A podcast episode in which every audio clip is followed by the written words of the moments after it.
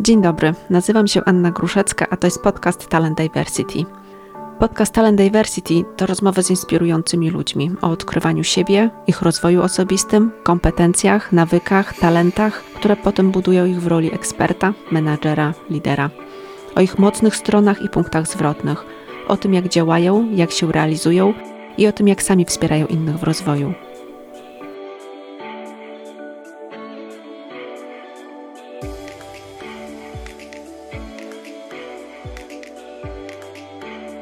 Witajcie. Dzisiaj moją gościnią jest e, Lucyna Szaszkiewicz, e, kobieta rakieta, która realizuje się zarówno na polu zawodowym, jak i osobistym.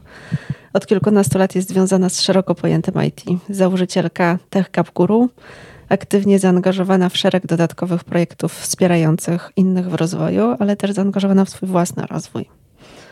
Dzień dobry, Lucyno. Dzień dobry. Bardzo miło mi być tutaj dzisiaj z Tobą i jestem ogromnie zadowolona, ale też zaskoczona, że zdecydowałaś się mnie zaprosić do tego podcastu. E, przede wszystkim to ja chciałam Ci podziękować, że przyjęłaś zaproszenie, bo jest to pierwszy odcinek mojego podcastu, także dziękuję Ci bardzo, że zechciałaś przyjechać i nagrać go ze mną. E, rozpoczynając ten projekt, pomyślałam o Tobie, bo dla mnie jesteś taką osobą, która w sposób bardzo autentyczny mm, łączy życie zawodowe z życiem prywatnym e, i rozwija się zarówno na jednym i drugim polu. E, I o tym właśnie chciałam z Tobą dzisiaj e, porozmawiać. Rzeczywiście mam takie przekonanie dzisiaj, że, że mi się to udaje, ale nie zawsze tak było. Mówisz, że nie zawsze tak było. Jak więc do tego doszłaś? E, hmm, to długa historia. E, tak sobie myślę, że w miejscu, w którym dzisiaj jestem, to naprawdę bardzo dużo się dzieje, e, bo oprócz tego, że rzeczywiście założyłam swoją własną działalność, e, to cały czas pracuję, współpracuję z firmą zen.com, gdzie pracuję jako Customer Success Executive. Oprócz tego Zostałam też kofanderką startupu, który e, operuje w branży cyberbezpieczeństwa, więc jest to dla mnie totalnie nowa branża.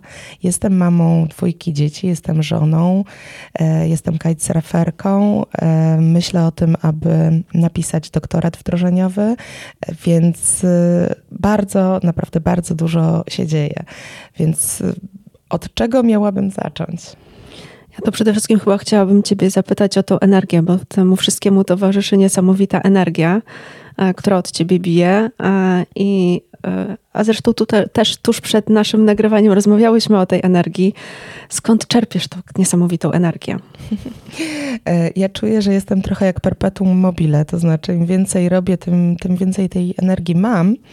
E, ale oczywiście miewam takie momenty, kiedy, kiedy jest mi szaro, buro i ponuro i, i czuję, że mi jej brakuje. E, najczęściej czerpię ją ze słońca, z, ze spotkań z pozytywnymi ludźmi, a czasem, kiedy mi tego również brakuje, to, to zajadam czekoladę, e, ale przede wszystkim regeneruję się w działaniu, w aktywnościach, w podejmowaniu nowych wyzwań i w uczeniu się.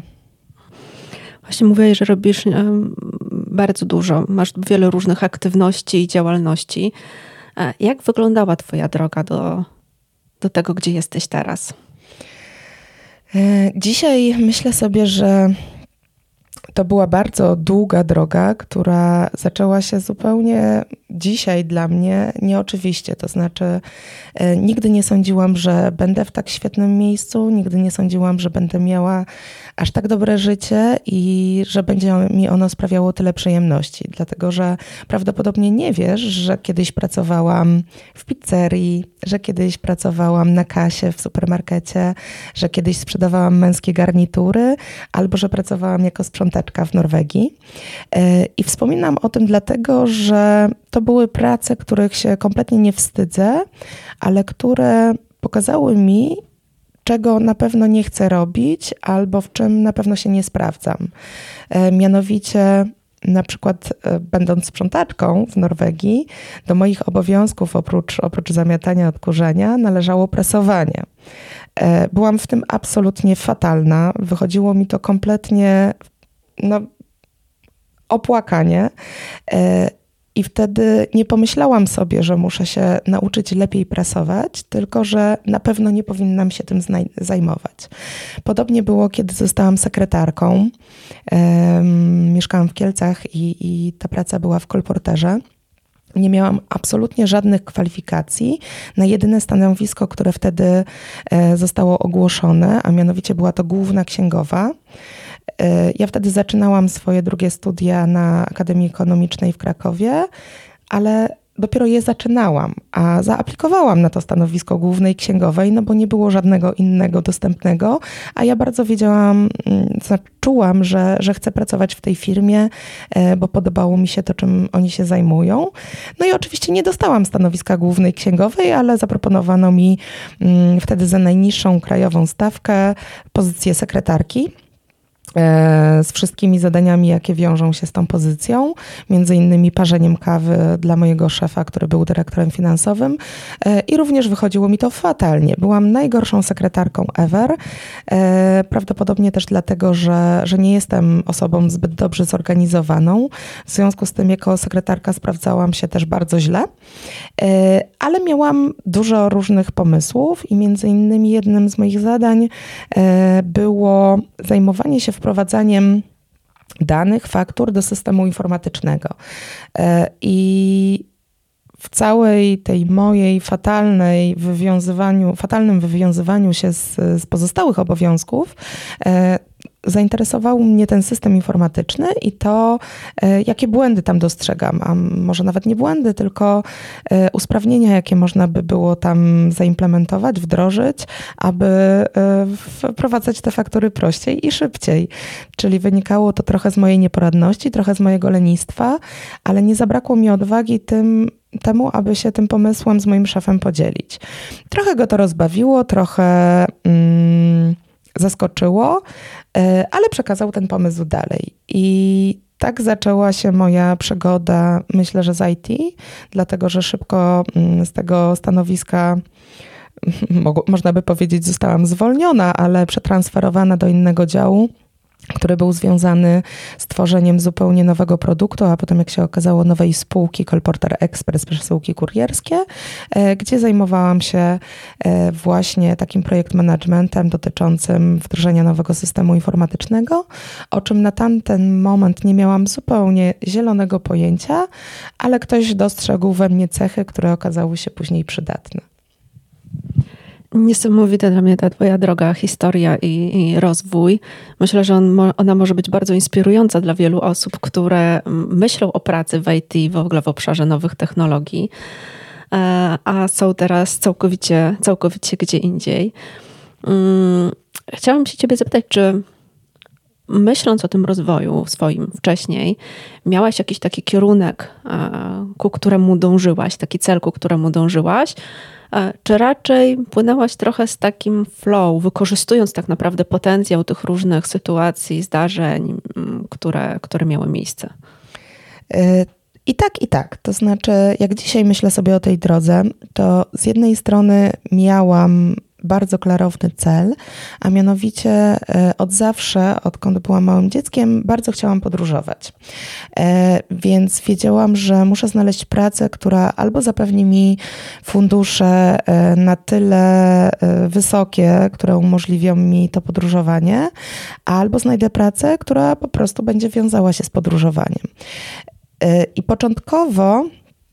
Hmm, nie sądziłam, że potrzebuję jeszcze dodatkowo czasu na te podróże, więc w międzyczasie, kiedy zaczynałam, wykonywać obowiązki związane już, już z IT, zrozumiałam, że poza środkami, czyli, czyli budżetem, potrzebuję e, też czas, który na to podróżowanie będę mogła przeznaczyć. Więc szybko okazało się, że mój kierunek e, związany z wykonywaniem mm, tych obowiązków zawodowych musi być taki, żebym mogła je wykonywać z dowolnego miejsca na ziemi. I od pewnego czasu, czyli, czyli no myślę, że już z 15, może 17 lat, e, tak starałam się kierować swoją ścieżką zawodową, aby móc wykonywać zadania, które w przyszłości nie będą mnie wiązały z jakimś jednym konkretnym miejscem czy biurem. Te kilkanaście lat, o których wspominasz, to już jest ten rozwój w ramach obszaru e, nowych technologii. E, tak, to znaczy to nie zawsze były nowe technologie. Kiedy zaczynałam, to po prostu była branża IT i oprogramowanie. E, I prawdę mówiąc, kiedy się w niej osadziłam, to dalej o tym jeszcze tak nie myślałam. To znaczy nie wiedziałam, że idę w kierunku IT. Najpierw to była sprzedaż, czego bardzo nie chciałam. Nigdy nie chciałam się związać ze sprzedażą, ale jednak no, życie tak za mnie wybrało. Więc to był ten moment, kiedy poszłam za flow. To znaczy, e, kiedy rekrutowałam się mm, do krakowskiego Komarchu, starałam się o pozycję analityka biznesowego. Nie miałam absolutnie żadnego doświadczenia ani kompetencji e, poświadczających, że się do tego nadaje. Natomiast bardzo wierzyłam w to, że będę umiała się tego szybko nauczyć ale mój ówczesny szef, który mnie wtedy rekrutował, mm, od razu na spotkaniu powiedział mi, że on chętnie mnie przyjmie do pracy. Może mi ją zaproponować od dziś, ale to będzie stanowisko sprzedawcy, a właściwie opiekuna sieci partnerskiej firm, które to oprogramowanie sprzedają. E, I to był taki moment, kiedy ja mogłam powiedzieć nie, no bo chcę być analitykiem, to jest moja wymarzona rola, ale wtedy no, prawdopodobnie tego stanowiska bym nie dostała. Albo mogłam powiedzieć, no okej, okay, wprawdzie nigdy nie chciałam się zajmować sprzedażą, ale skoro ty uważasz, że to jest dla mnie dobre, e, no to ja za tym pójdę i zobaczymy, co będzie, damy sobie szansę. No i rzeczywiście, jak, jak pomyślałam, tak zrobiłam. Stwierdziłam, że mogę spróbować, co mi zależy, a jeżeli się okaże, że, że to nie jest ten kierunek, w którym się sprawdzam, w którym się czuję dobrze i w którym uczę się umiejętności, które będą dla mnie przydatne w późniejszym czasie, no to zawsze mogę to zmienić. Jeśli myślisz o mm, mm, kompetencjach, takich Twoich mocnych stronach też, które pomogły Ci właśnie w rozwoju w obszarze IT, to co to co to by było? Myślę, że pierwszą z cech, która okazała się kluczowa, to to, że wychowałam się w domu, gdzie było dwóch braci. Czyli od bardzo wczesnych lat dziecięcych dorastałam w gronie chłopaków. Mój brat był piłkarzem, więc e, jego koledzy często przebywali u nas w domu, czy też ja przebywałam z nimi na podwórku. I dorastając z nimi, E, obserwowałam cechy, jakie mają oni. I nie widziałam bardzo długo, jako dziewczynka, różnicy między cechami, jakie powinny, jakimi powinny odznaczać się dziewczynki, mimo że rodzice pewnie bardzo starali się mi je wpoić, e, to nie mieli na tyle logicznych e, argumentów, które by mnie przekonały. Więc dorastałam w przekonaniu, że ja, podobnie jak chłopcy, e, mogę robić dokładnie te same rzeczy, mogę sięgać po te same rzeczy e, i właściwie nikt nie, nie powinien oczekiwać, że będę zachowywać się inaczej. Co bardzo szybko okazało się nie do końca akceptowalne, e, dlatego że byłam uważana za, w moim pokoleniu tak się mówiło, za chłopaczarę, za dziecko impulsywne, krnąbrne, które mm, no, jasno deklaruje e, swoje potrzeby, co wśród dziewczynek nie było takim oczywistym. Potem trafiłam na matwiz, na uczelnię ścisłą, e, jakby coraz bardziej widziałam, że, że te cechy odróżniają się na tle innych dziewczynek, e, ale było chyba dla mnie już trochę za późno, żeby się ich wyzbyć, szczególnie, że widziałam liczne korzyści, jakie przynoszą mi te cechy. Więc to było na pewno, na pewno pierwsza z tych cech. Czyli posiadanie e, dwóch braci e, to jest jeden z kluczowych elementów. E, to na pewno pomogło. Z dzisiejszej perspektywy myślę, myślę, że to pomogło, ale też to, że chyba nie dałam sobie wmówić, że te cechy nie przystoją dziewczynce, mimo że wielokrotnie to słyszałam e, i chyba nie dałam rady, wtedy tak myślałam, że to jest porażka, nie dałam rady ich zmienić. E, z dzisiejszej perspektywy myślę, że to była duża zaleta. Druga taka cecha, o której dziś już wiem, e, że, że jest bardzo wartościową, to coś, co, co się nazywa rezil, rezyliencją, z angielskiego resilience. Po polsku to pewnie rezyliencja. Rezyliencja chyba. Chyba mhm. rezyliencja. E, I to jest takie słowo, o którym mm, długo nie myślałam, że to ważna dla mnie cecha, ale przeczytałam je niedawno w jednym e, z pism kobiecych, czyli zdolność do po pierwsze podnoszenia się po porażce, taka odporność na różne zdarzenia życiowe, po drugie duża elastyczność na zdarzenia, które, które nas dotykają e, i umiejętność wyciągania z nich wniosków. Tak sobie myślę, że gdybym miała jedną cechę przekazać mojej córce czy moim dzieciom, to na pewno bardzo bym chciała, żeby, żeby miały tą umiejętność, bo ona bardzo wiele w życiu ułatwia. I z dzisiejszej perspektywy cenię sobie, że, że już wiem, że ta cecha e, jest w moim posiadaniu i, i jest wartościowa, szczególnie w czasach pandemii. Mm, to prawda, że rezyliencja jest takim elementem, który bardzo pomaga nam czuć się dobrze pomimo różnych zawieruch, które są dookoła. Tak, ale mm, kiedy, kiedy przygotowywałam się do spotkania z Tobą i zastanawiałam, o czym możemy tutaj rozmawiać, zapytałam moich bliskich, e, jak oni uważają, które z moich cech e, powodują że jestem tu, gdzie jestem, które powodują, że, że mam w sobie taką zadaniowość, czy też e, które doprowadziły mnie do sukcesu. Tak dzisiaj o tym mm, myślę, że, że udało mi się osiągnąć sukces. Mm, I moi bliscy wskazali takie cechy, które, o których sama bym nie pomyślała, a które myślę, że rzeczywiście są wartościowe. E, I jedną z nich była wydajność, ale taka wydajność, e, która jest związana z fokusem, ze skupieniem się na rzeczy czy rzeczach, e, którymi się zajmuję. To znaczy, jeżeli decyduję się pójść w jakimś kierunku, to jestem absolutnie totalnie zaangażowana w to całą sobą i, i wszystkimi swoimi fragmentami i emocjami i rzeczywiście cała się w tym pochłaniam e, i jestem w stanie w krótkim czasie bardzo wiele rzeczy przygotować, nauczyć się osiągnąć, bo, bo po prostu tak zdecydowałam i uważam, że to jest teraz ten czas, żeby, żeby go poświęcić na to, żeby, żeby na przykład uzupełnić jakieś moje braki czy, czy niewiedzę.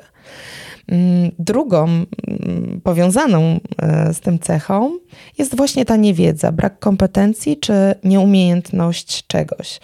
E, a mianowicie, z jednej strony, nie wstydzę się przyznać, że czegoś nie wiem, nie umiem i nie chcę się tego dowiedzieć. To znaczy, mam na przykład ogromne braki, e, jeżeli chodzi o ortografię, jeżeli chodzi o geografię, o historię, o takie obszary wiedzy powszechnej, e, które nie są w obszarze moich zainteresowań. Po prostu wiem, że nie wiem, ale to zostawiam. To, to nie czuję, żeby było mi do czegoś przydatne. E, czasem może nie jestem godnym rozmówcą e, w tych tematach, ale nie przeszkadza mi to. Po prostu to nie są, nie są kierunki, które, które uznałam, że, że są warte rozwijania. Przyznaję się przed sobą do tego, e, nie mam kompleksów, mam tą wiedzę po prostu gdzie indziej i, i mm, co innego mnie interesuje. Druga rzecz z tym związana, z brakiem wiedzy i kompetencji i umiejętności, to jeżeli spotkałam się w trakcie swojego życia z kimś, kto chciał mi powierzyć zadanie, rolę, albo jakąś odpowiedzialność, w której nie czułam się wystarczająco kompetentna, albo czułam, że mam duże braki w tym obszarze, ale ktoś wierzył, że ja sobie z tym poradzę i chciał e, zaproponować mi jednak taką rolę, taką odpowiedzialność, a ja mhm. czułam, że to jest ekscytujące, że, że chciałabym się tego dowiedzieć i tego nauczyć, to wchodziłam w to. Oczywiście e, dzisiaj, z dzisiejszej perspektywy wiem, że to wymagało odwagi, e, której niejednokrotnie mi brakowało i trudne, mm, trudno było podjąć taką decyzję, ale mimo to e, wierzyłam, że jeżeli ktoś uznaje, że, że dam radę, to ja też dam radę, że, że mogę tą wiedzę nabyć, te umiejętności nabyć, a jeżeli nie, no to, to nie, to najwyżej się nie uda i przynajmniej nie będę żałować, że nie spróbowałam.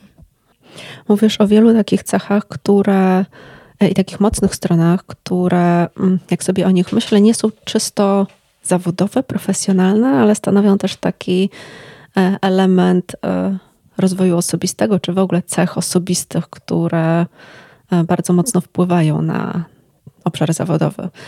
E, I moje pytanie jest takie, jak ty to widzisz? Jak te dwa obszary e, się przenikają u ciebie?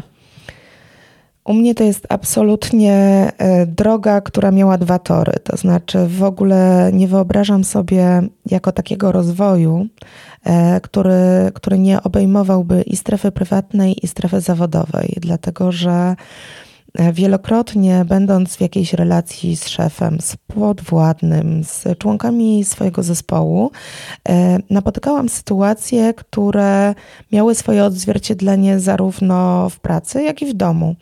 Bo tak na koniec końców, to ja głęboko wierzę w to, e, że to nie chodzi o relacje służbowe czy prywatne, tylko chodzi o relacje z samym sobą. I moja droga rozwoju głównie polegała na tym, że próbowałam zrozumieć siebie, zrozumieć moje motywacje, zrozumieć, dlaczego postępuję w taki, a nie inny sposób, albo na różne zdarzenia, opinie czy oceny innych reaguję w jakiś konkretny sposób. To jest bardzo ciekawe, bo to jest takie, takie budowanie samoświadomości siebie. A, a co ci pomogło w tym, w takim budowaniu samoświadomości siebie? Pewnie cię zaskoczę, e, ale po pierwsze niewygoda. To znaczy, ktoś e, mi bliski, mm, kogo poznałam wiele lat temu, naście już, e, kiedy zapytałam ją, bo to była kobieta, dlaczego ja tak dużo czasu poświęcam na zmianę, na rozwój, na to, żeby poznawać siebie, a na przykład mój wtedy jeszcze nie mąż nie. to skwitowała to jednym zdaniem, dlatego że jemu jest wygodnie tam, gdzie jest, a ty się zmieniasz, bo prawdopodobnie masz jakąś niewygodę. I rzeczywiście ja to przyjęłam, zaakceptowałam e, i zastanawiałam się, z czego ta niewygoda wynika i co zrobić, żeby zaczęło mi być ze sobą i w moim ciele, i w moim mm, otoczeniu, w mojej głowie, e, żeby zaczęło mi być wygodnie. E, I tak, tak wszystko się zaczęło. I. O co pytałaś? Pytałam o to, co ci e, pomogło, pomogło, właśnie w takim budowaniu samoświadomości. Ale moje pytanie jest jeszcze mm, dodatkowe tutaj, druga część e, tego, tego pytania. Co robiłaś tak naprawdę? Jakie metody wykorzystywałaś, żeby tą samoświadomość budować? Hmm, Okej, okay. co robiłam? ja w ogóle robiłam bardzo, bardzo, bardzo, bardzo wiele rzeczy e, i dzisiejszej perspektywy trudno mi jest odpowiedzieć, które były trafne, a które, które nie, ale w ogóle w e, moich działaniach ja uznaję, że wszystko jest statystyką. To znaczy, statystycznie część rzeczy, rzeczy się udaje, część rzeczy się nie udaje. W związku z tym i tak chodzę, i tak e, tą ścieżką rozwoju dreptam, e, bo wiem, że zawsze coś, coś będzie na korzyść, a coś może się okazać nie, nie do końca po mojej myśli.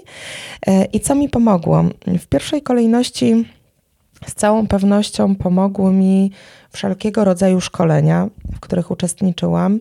Najpierw były to szkolenia korporacyjne, na które byłam wysyłana, nie do końca była to moja decyzja. Były to szkolenia, którym musiałam się poddać po prostu pracując w korporacji. Nie zawsze wierzyłam w ich sens, nie zawsze wierzyłam w to, że, że są mi potrzebne, ale z każdego zawsze coś wyciągnęłam. Czy były to tak zwane szkolenia miękkie? Tak, to były również szkolenia miękkie, które powodowały, że mam być e, lepszym sprzedawcą i skuteczniejszym sprzedawcą. E, no i byłam, więc, więc e, no można ocenić, że były wartościowe. Ale tak jak powiedziałam, z każdego z nich, niezależnie od tego, czego te tematy dotyczył, nawet jeżeli było to tylko jedno zdanie, to coś wyjęłam. E, i coś zostawiłam dla siebie. Czasem to była jeszcze większa niewygoda, co mnie zaskoczyło, e, i czasem wychodziłam z takiego szkolenia, podobnie jak czasem to bywa z terapią, e, z jeszcze większymi znakami zapytania niż tam poszłam, co było dla mnie zaskoczeniem, no i niewygodą, a przecież nie tego się spodziewałam. Więc tak, na pewno to były liczne korporacyjne szkolenia. Na pewno to była terapia, e, którą, którą przeszłam e, kilkakrotnie jako dziecko DDA. E, na pewno to było stawienie sobie czoła i taka odpowiedź na pytanie: OK, to jeżeli ja posiadam taki set cech, Nie można ich nazwać kompetencjami, bo one nie zawsze są pozytywne, tylko to są po prostu jakieś cechy, które inni we mnie zauważają, które mogę uznać, że są oceniane w sposób negatywny i jest to krzywdzące, albo mogę te komentarze, czy tą opinię, czy te oceny potraktować jako rodzaj feedbacku i zastanowić się, co ja z tym dalej chcę zrobić. E, I jeżeli na przykład e, taką, taką cechę odkrywałam, to dużo też czytałam. E, to były czasy, kiedy jeszcze nie było podcastów, bo teraz bym z całą pewnością słuchała podcastów, wtedy czytałam książki. Im więcej czytałam, tym więcej dostrzegałam tam wiedzy na temat tego, jak sobie z tego, z tego typu cechą radzić, aby ją przekuć na przykład z takiej negatywnej na, na pozytywną, jak jej użyć, żeby ona dla mnie procentowała, a nie ciągnęła mnie w dół. E, przez całe swoje życie też otaczałam się ludźmi, e, i nie zawsze to byli ludzie, którzy, którzy nieśli mnie na swojej ścieżce, czy którzy byli dobrymi kompanami na tej drodze. Czasem zdarzało mi się trafić na ludzi, którzy dzisiaj mogę powiedzieć już, że byli toksyczni i, i spotkania z nimi działały bardzo niekorzystnie i z czasem nauczyłam się rozróżniać e, tego typu ludzi i unikać tych, którzy już wiem, że e, nie, nie tworzą synergii z moją energią, e, tylko, tylko w jakiś sposób ją destruują. Mówimy o cechach, które przekładają się na kompetencje miękkie i o ich rozwoju i o tym, jak przekładają się na rozwój zawodowy. Pracujesz jednak w obszarze IT, który przynajmniej ja kojarzę z szeregiem twardych kompetencji. Jak rozwijałaś te kompetencje? E, ja miałam to szczęście, teraz sobie myślę, e, że trafiałam, trafiałam bądź wybierałam firmy, e, które zajmowały się totalnie innowacyjnymi rzeczami i technologiami, które były nowe dla wszystkich. W związku z tym komfort z tym związany był taki, że było bardzo niewiele ekspertów specjalizujących się w danej dziedzinie, co skutkowało po pierwsze tym, że musiałam bardzo wiele czytać, uczyć się, oglądać webinarów, śledzić konkurencję, e, albo też bardzo wiele wykrzesać pomysłów z siebie, w jaki sposób taką wiedzę zdobyć. E, I najczęściej uczyłam się w działaniu, to znaczy, mm, zaczynając zajmować się technologią, produktem, który na przykład miałam wprowadzić na rynek, a który e, nie miał dotychczas e, grona odbiorców, e, nie miał zbudowanej całej strefy partnerów, czy też nie miał zbudowanego rynku, na którym miałby zostać sprzedawany, musiałam wykazać się dużą pomysłowością, aby znaleźć sposób, w jaki e, możemy e, dane, rozpoznawalność danej marki zbudować. E, więc tam, gdzie brakowało mi kompetencji, często okazywało się, że było to również zaletą, dlatego że nie było innych osób, które mogłyby się odznaczyć większą kompetencją, większą wiedzą czy większym doświadczeniem na danym polu. E, I tutaj wygrywało, wygrywała świeżość i pomysłowość. I to, e, że, że byłam na tym tak bardzo skupiona, e, że poświęcałam cały swój czas na to, aby, aby tą wiedzę zdobyć, aby się nauczyć, aby przejrzeć wszelkie możliwe źródła, często zagraniczne i dowiedzieć się tego, czego nie wiem. Czy cały czas te tak zwane miękkie cechy bardzo mocno wspierały Twój rozwój też e, zawodowy, profesjonalny. Jestem absolutnie przekonana, że one okazały się dużo bardziej wartościowe niż jakakolwiek wiedza, którą w danym momencie e, posiadałam. E, bo dołączając do firmy zajmującą się technologią biometrii głosowej, mm, było to coś, czego absolutnie e, no, nikt w owym czasie nie znał. To, to jeszcze było zanim nasze iPhony miały Touch ID czy Face ID, więc biometria głosowa była absolutnie nie, nierozpoznawalną mm, technologią ale za to miałam takie przekonanie, że przecież mogę poszukać, mogę zrobić research, mamy internet, e, mogę znaleźć e, analogiczne jakieś technologie, które były skalowane czy wprowadzane na rynek w podobny sposób. E, i nauczyć się tego po prostu metodą prób i błędów. Właśnie a propos Twoich doświadczeń, to chciałam się Ciebie zapytać również, które z nich było dla Ciebie takie ważne, może nie tyle przełomowe, ale takie, które spowodowało, że e, zrobiłaś większy krok w przód niż takie standardowe te kroki, które robiłaś? Takich roz, e, wydarzeń było, było wiele. Myślę, że średnio co dwa lata coś takiego się wydarzało. Hmm, chyba nie mamy czasu, żeby tutaj o wszystkich y, rozmawiać, y, albo może to w kolejnym odcinku. Możemy zrobić taki fuck Kolejny up, odcinek. Y, fuck up odcinkowy, odcinek z fuck upami, bo, bo o tym się mało mówi, a myślę, że też warto. Myślę, że Jednym z pierwszych takich e, absolutnie przełomowych doświadczeń e, to było, kiedy mm, mój szef poprosił mnie o to, żebym została prelegentką na konferencji w kinie w Złotych Tarasach w Warszawie przed audytorium nie wiem, z pół tysiąca osób tam chyba było na sali, co absolutnie totalnie mnie przerażało, gdyż wcześniej nie miałam takich doświadczeń. Występowałam przed góra na stoma osobami na szkoleniu dla naszych partnerów, e, a to nie tylko mm, to, że audytorium było ogromne, że miejsce było no, mm, ciekawe e, i, i też klimat tam zupełnie inny niż na takiej sali mm, typowej do konferencji, e, to też temat temat był dla mnie zupełnie nowy i odbiorcy zupełnie nieznani, bo to była branża medyczna, e, więc e, no, czułam się absolutnie niekomfortowo, zupełnie niepewnie e, i czułam, że no, nie dam rady. Czułam się też za mało przygotowana do tego i byłam przekonana, że to wystąpienie będzie porażką. Co więcej, schodząc z tej sceny, tylko sobie przetaknęłam. Tak, to wystąpienie było porażką. E, wypadłam absolutnie fatalnie, byłam z siebie totalnie niezadowolona. E, ale to było tylko moje zdanie, bo jak się okazało, to zupełnie tego, mm, tego mojego przekonania nie było widać. Audytorium było bardzo zadowolone, organizatorzy ocenili, że to wystąpienie było świetne i feedback, który dostałam, tylko potwierdził te, te oceny. Co nie zmieniło faktu, że ja jeszcze długo, długo, długo byłam z siebie niezadowolona, bo mogłam to zrobić lepiej, e, mogłam być lepiej przygotowana i, i, w mojej głowie długo, długo leczyłam myśl, że, że wypadło to za słabo.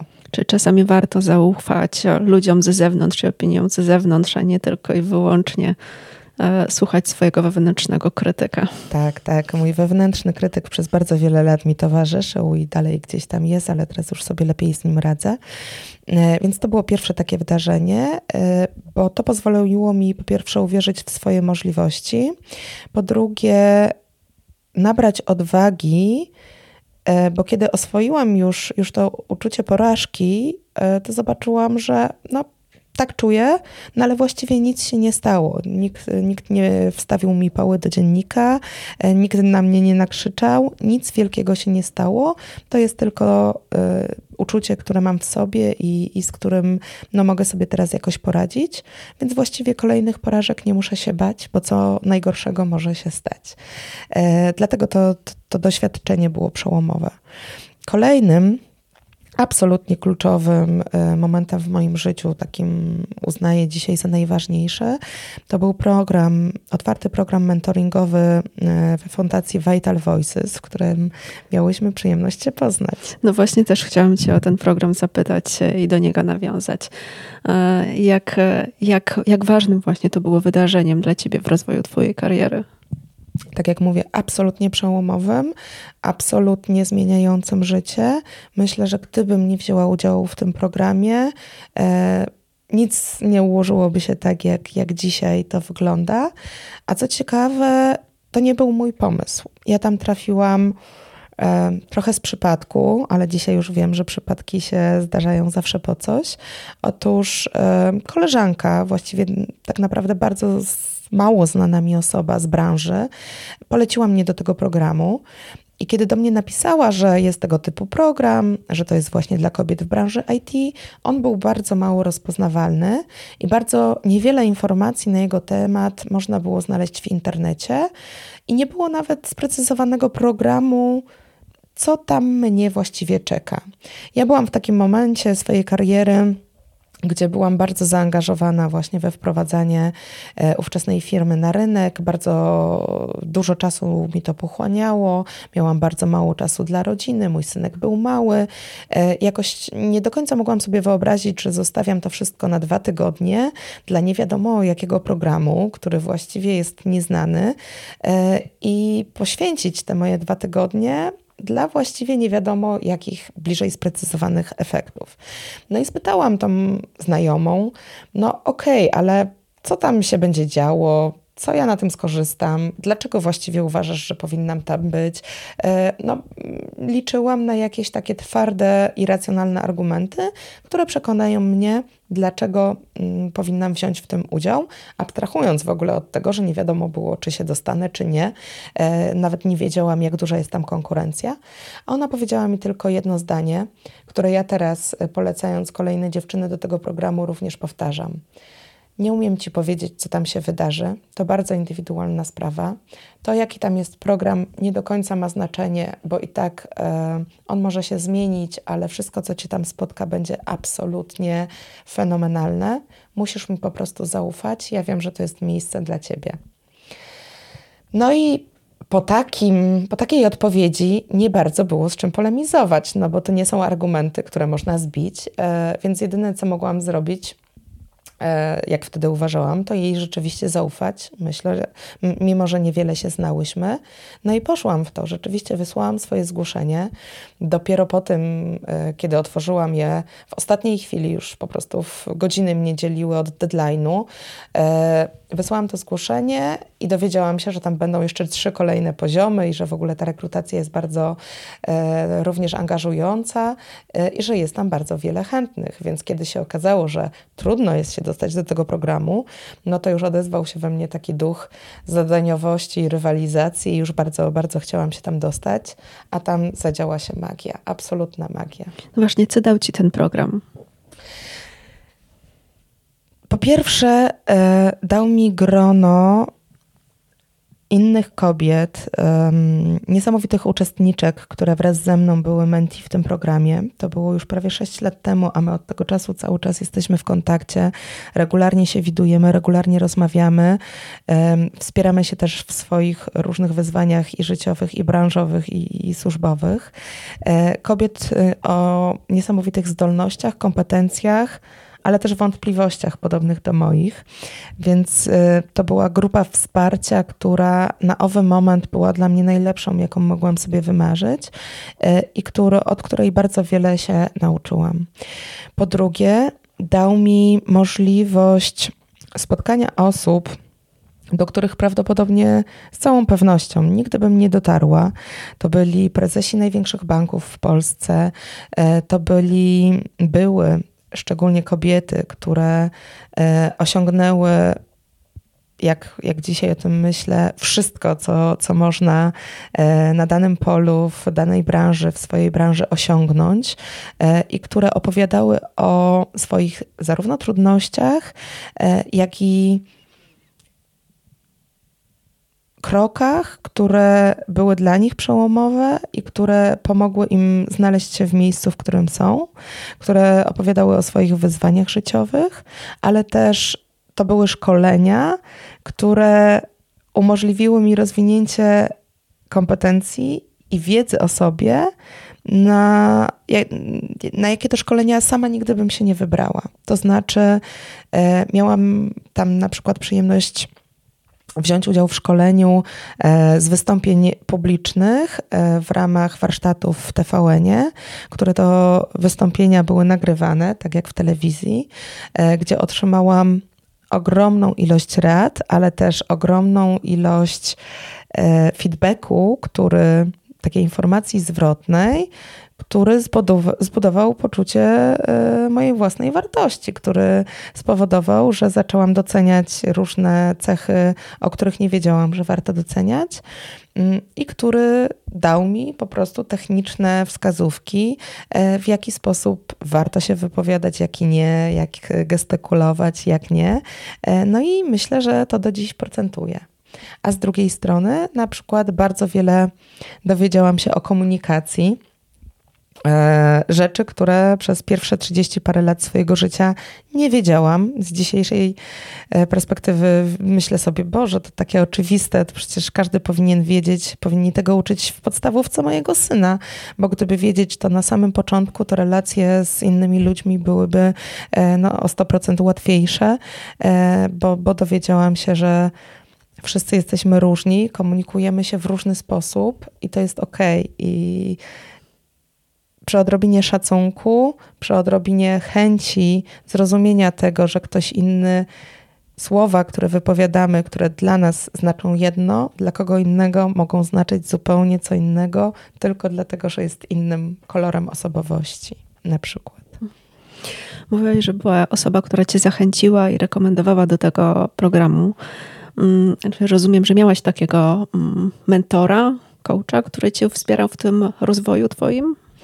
E, wtedy to była osoba zupełnie przypadkowa, tak jak um, wspomniałam, to była znajoma z branży, z którą po prostu zetknęłyśmy się może dwa, trzy razy, e, co też mnie bardzo zaskoczyło, że akurat ona zdecydowała, że, e, że powinnam tam być, ale w ramach programu rzeczywiście miałam mentora, fantastycznego człowieka Jerzego Wójcika, mm, w ówczesnym czasie wydawcy Gazety Wyborczej co było dla mnie szokującym, jak się o tym dowiedziałam, bo pomyślałam sobie, jak to ja, człowiek z IT, z nowych technologii, zostałam zmeczowana z osobą z wydawnictwa, z gazety wyborczej, no ale zawierzyłam osobie, która tego wyboru dokonała. I potem zrozumiałam, że to było absolutnie y, fantastyczne posunięcie i zagranie, dlatego że czego nie wiedziałam, na tej relacji mentoringowej korzystają obie strony. E, I ta moja wiedza ze sprzedaży, z zakresu nowych technologii była również bardzo przydatna e, wtedy Jerzemu i jego zespołowi. I myślę sobie, że największą wartość, jaką skorzystałam wtedy z tej relacji, korzystam do dziś, bo dalej, dalej jesteśmy w kontakcie, to ogromna odwaga do tego, żeby rozmowa, rozmawiać z ludźmi, jak mi się wtedy wy, wydawało, na zupełnie innym poziomie niż ja, zupełnie innym poziomie sukcesu, doświadczeń życiowych i zawodowych.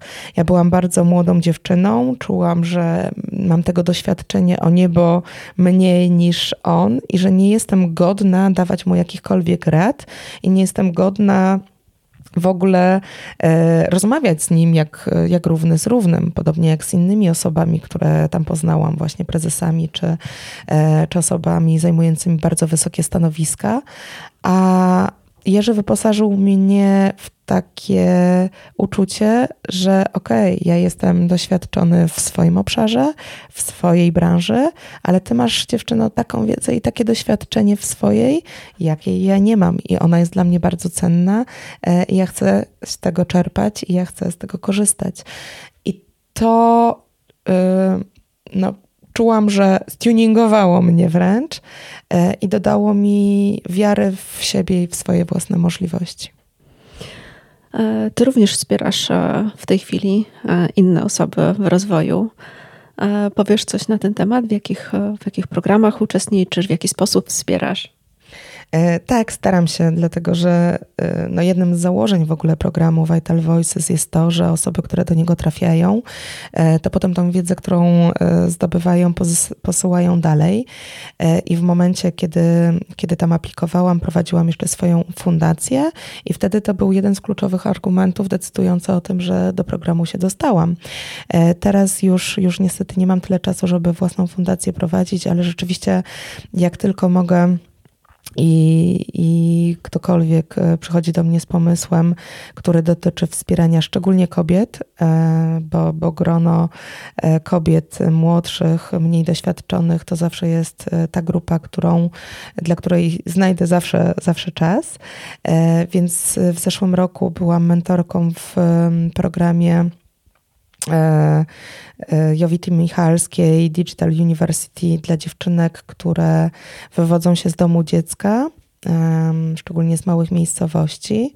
E, w tym roku jeszcze, jeszcze nie, nie rozpoczął się program, w którym mam uczestniczyć jeżeli chodzi o kobiety, ale cały czas też wspieram startupy, e, które są na początku swojej drogi i staram się służyć swoją wiedzą merytoryczną, którą nabyłam w trakcie pracy właśnie w startupach, aby dopomóc im, jak przejść tą ścieżkę szybciej, krócej i mniej wyboiście niż, niż ta, którą ja miałam szczęście przechodzić. A gdybyś miała właśnie takim osobom aspirującym do tego, żeby się rozwijać w obszarze IT, e, w obszarze nowych technologii, gdybyś miała doradzić coś, e, na czym się skupić, e, co robić, żeby, żeby rozwijać swoje kompetencje, to co byś doradziła? Um, tak, po pierwsze, to doradziłabym, żeby myśleć o swojej ścieżce kariery w taki sposób, jak nazwała to Natalia de Barbaro, również bardzo ważna dla mnie osoba, e, której to książce i warsztatom bardzo wiele zawdzięczam, a która uknęła takie określenie, że droga do sukcesu to nie drabina, a pajęczyna. Ja je uwielbiam i że to nigdy nie jest y, droga po szczebelkach na szczyt, tylko to jest droga w różnych kierunkach. I dlatego warto nią podążać, że warto szukać i sprawdzać, co mi odpowiada, a co mi nie odpowiada, bo wiedzieć, czego nie chcę, to już jest bardzo dużo. E, więc po pierwsze, myślenie o swojej karierze i drodze rozwoju w taki sposób. Po drugie, na pewno doradzałabym oswoić lęk no bo nie da się nie bać. Nie, nie mogę powiedzieć, żeby się nie bać, ale e, mi bardzo pomaga yoga i bardzo pomaga mi praktyka oddechowa, bo kiedy ja się boję, a często też się boję, to po prostu oddycham i myślę sobie, okej, okay, zacznę, a potem jakoś to będzie. E, I, i, I w taki sposób próbować, pomyśleć sobie, czego nie chcę, pomyśleć sobie, a co by było, gdyby Gdybym miała wszystko, czego potrzebuję, wszystkie zasoby, czego potrzebuję, to co by było moim największym marzeniem? I kiedy, kiedy ma się już takie swoje marzenie, na przykład na, na, przykład właśnie pracować zdalnie z dowolnego zakątka na ziemi, albo e, pracować 4 godziny dziennie, albo e, pracować e, 3 miesiące, potem 3 miesiące nie pracować i tym podobne, to co ja musiałabym robić, żeby ten cel osiągnąć i podzielić to na małe kawałeczki i na przykład znaleźć firmę, która jest tą wymarzoną, w której na pewno, na pewno się odnajdę i na pewno będzie spełnieniem moich marzeń. Potem sprawdzenie, czy mają stanowiska, w których mogłabym się sprawdzić, a jeśli nie, to co mi zależy napisać do nich na Facebooku, na Instagramie, napisać maila. Yy, motywując swoją prośbę tym, że po prostu to jest moje marzenie. Ja wiem, że, że będę jedną z najlepszych pracownic czy pracownikiem i, i uzupełnię te kompetencje, które są mi potrzebne na danym stanowisku. I nie bać się tego, żeby zdobywać wiedzę i zdobywać umiejętności, których nam brakuje. Nie bać się też do tego przyznać, dlatego że myślę, że w dzisiejszych firmach, w dzisiejszych czy to korporacjach, czy startupach, nic nie jest cenione bardziej niż elastyczność i chęć zdobywania wiedzy. Taka zwykła ludzka ciekawość, która, która prowadzi nas tam, gdzie, gdzie jeszcze nikt nie był. E, a co przed tobą? Jaki kolejny krok? Mówiłaś, że założyłaś e, Tech Gap Guru, że jesteś e, współtwórczynią startupu. E, tak, myślę, że ten rok e, będzie, będzie rokiem ciężkiej, wytężonej pracy. Z jednej strony moja działalność mm, w ramach Tech Gap Guru to firma, która specjalizuje się właśnie we wprowadzaniu nowych produktów na rynek, w tworzeniu niestandardowych strategii kampanii marketingowych i niestandardowych strategii mm, skalowania czy to produktów, czy to rozwoju firmy na, na nowe rynki.